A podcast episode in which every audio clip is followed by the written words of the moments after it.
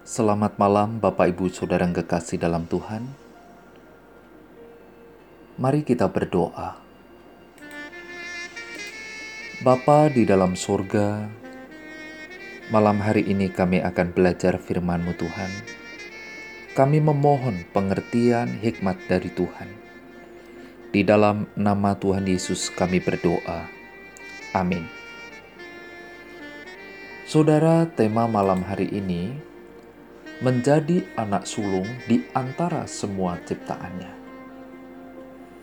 Yakobus pasal 1 ayat yang ke-18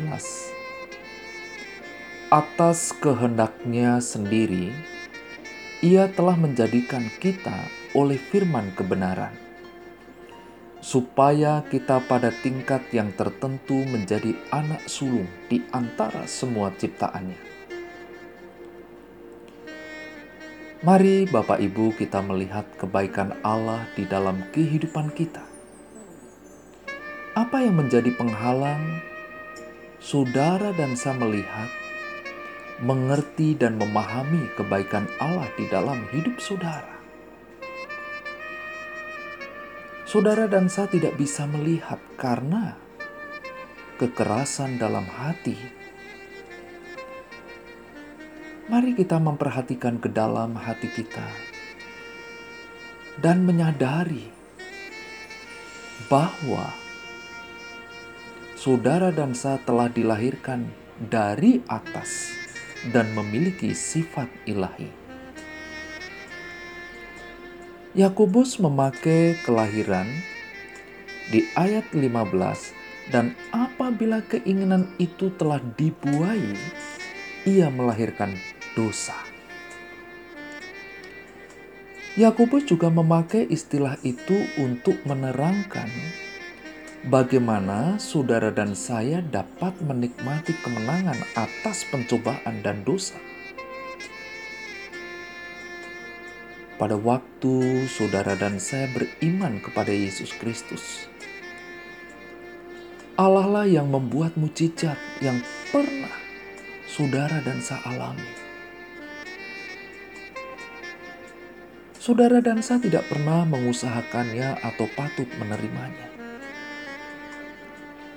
Allah memberikan kelahiran rohani kepada saudara dan saya karena kasih karunia dan kehendaknya sendiri. Kelahiran baru merupakan pekerjaan Allah. Karena kamu telah dilahirkan kembali dari roh adalah roh. Yohanes 3 ayat 6. Karena kamu telah dilahirkan kembali bukan dari benih yang fana, tetapi dari benih yang tidak fana. Firman Allah yang hidup dan yang kekal. Firman itu dapat memberikan hidup di dalam hati orang berdosa yang percaya kepada Kristus, dan hidup itu adalah Allah. Saudara kelahiran yang terbaik. Saudara dan saya adalah anak sulung di antara semua ciptaannya. Yakobus menulis kepada orang-orang Yahudi yang percaya dan kata sulung amat berarti bagi mereka. Orang Yahudi dalam Perjanjian Lama mempersembahkan hasil pertama kepada Tuhan sebagai penyataan kesetiaan dan ketaatan mereka. Muliakanlah Tuhan dengan hartamu dan dengan hasil pertama dari segala penghasilanmu.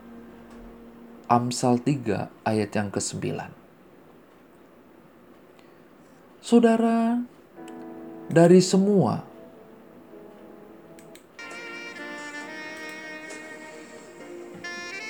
ciptaan di alam semesta ini, orang-orang Kristen adalah yang tertinggi dan terindah.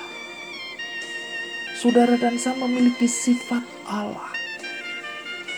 Oleh karena itu, apabila saudara dan saya menerima umpan iblis atau menginginkan hal-hal dosa, Suatu kelahiran yang lebih tinggi haruslah berarti suatu kehidupan yang lebih tinggi pula.